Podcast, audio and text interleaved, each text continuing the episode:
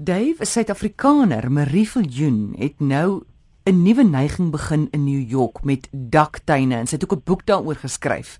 Vertel ons 'n bietjie van haar. Ek verstaan jy ken haar. Oral in New York, sy en 'n groep ander mense het nou 'n bewustheid dat daktuine en rommeltuine of ou spoorweetuine, weet jy, almore hulle plant tussen die ou dwarsleers, plant hulle groente van ou spoorweë. En oral kring dit uit in Kanada daar nou stede met bome waar hulle vrugtebome vir die publiek plant. Sê ons gaan hier 200 appels plant in hierdie park. Pluk asseblief maar onthou om verander te los. Ek dink hier is iets te sê vir 'n bewustheid van die natuur na jou toe bring. As jy in 'n voorstad bly aan Morey of in 'n in 'n kompleks, dan kan jy mos nou nie groot tuin maak nie want daar is nie plek nie. Maar as jy slim is en jy het 'n klein binnehof of 'n fonteintjie, dan kan jy dit fyn eintlik uitrig om die natuur te suggereer.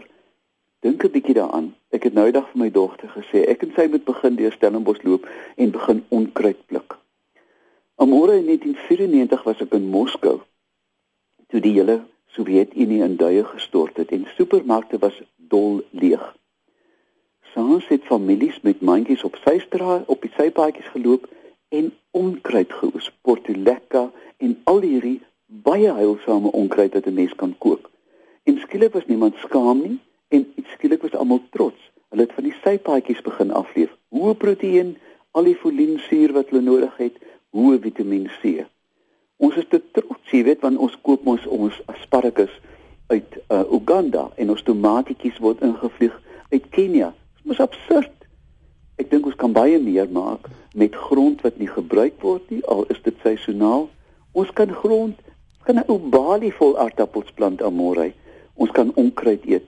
En dit het nie te doen met armoede nie. Dit het te doen met 'n mate van heerlike natuurtrots. Ek weet wat om my aangaan.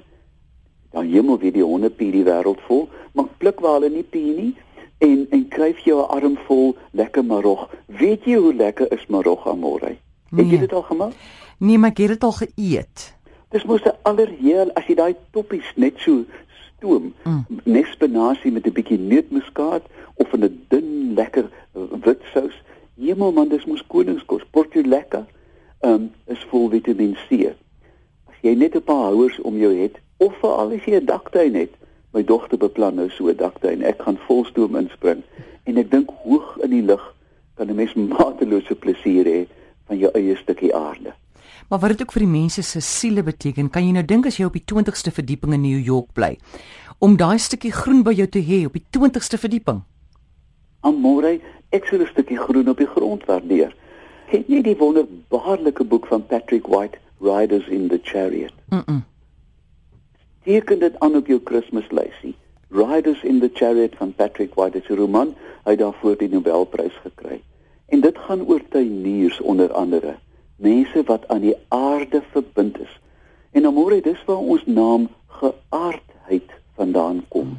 Hoe is jy geaard? Mm. Is dit nie mooi nie? Baie. Wie wie Afrikaans rukke mens dan baie daar met sy mooi raak beskrywings geaardheid. En nou as jy weer dink as jy by jou jou bakkie petersilie staan of jy pluk 'n stukkie onkruid om te gaan kook die dag, dan is jy geaard. So gesels Dave Peppler en jy kan hom kontak by oompie by iafrica.com.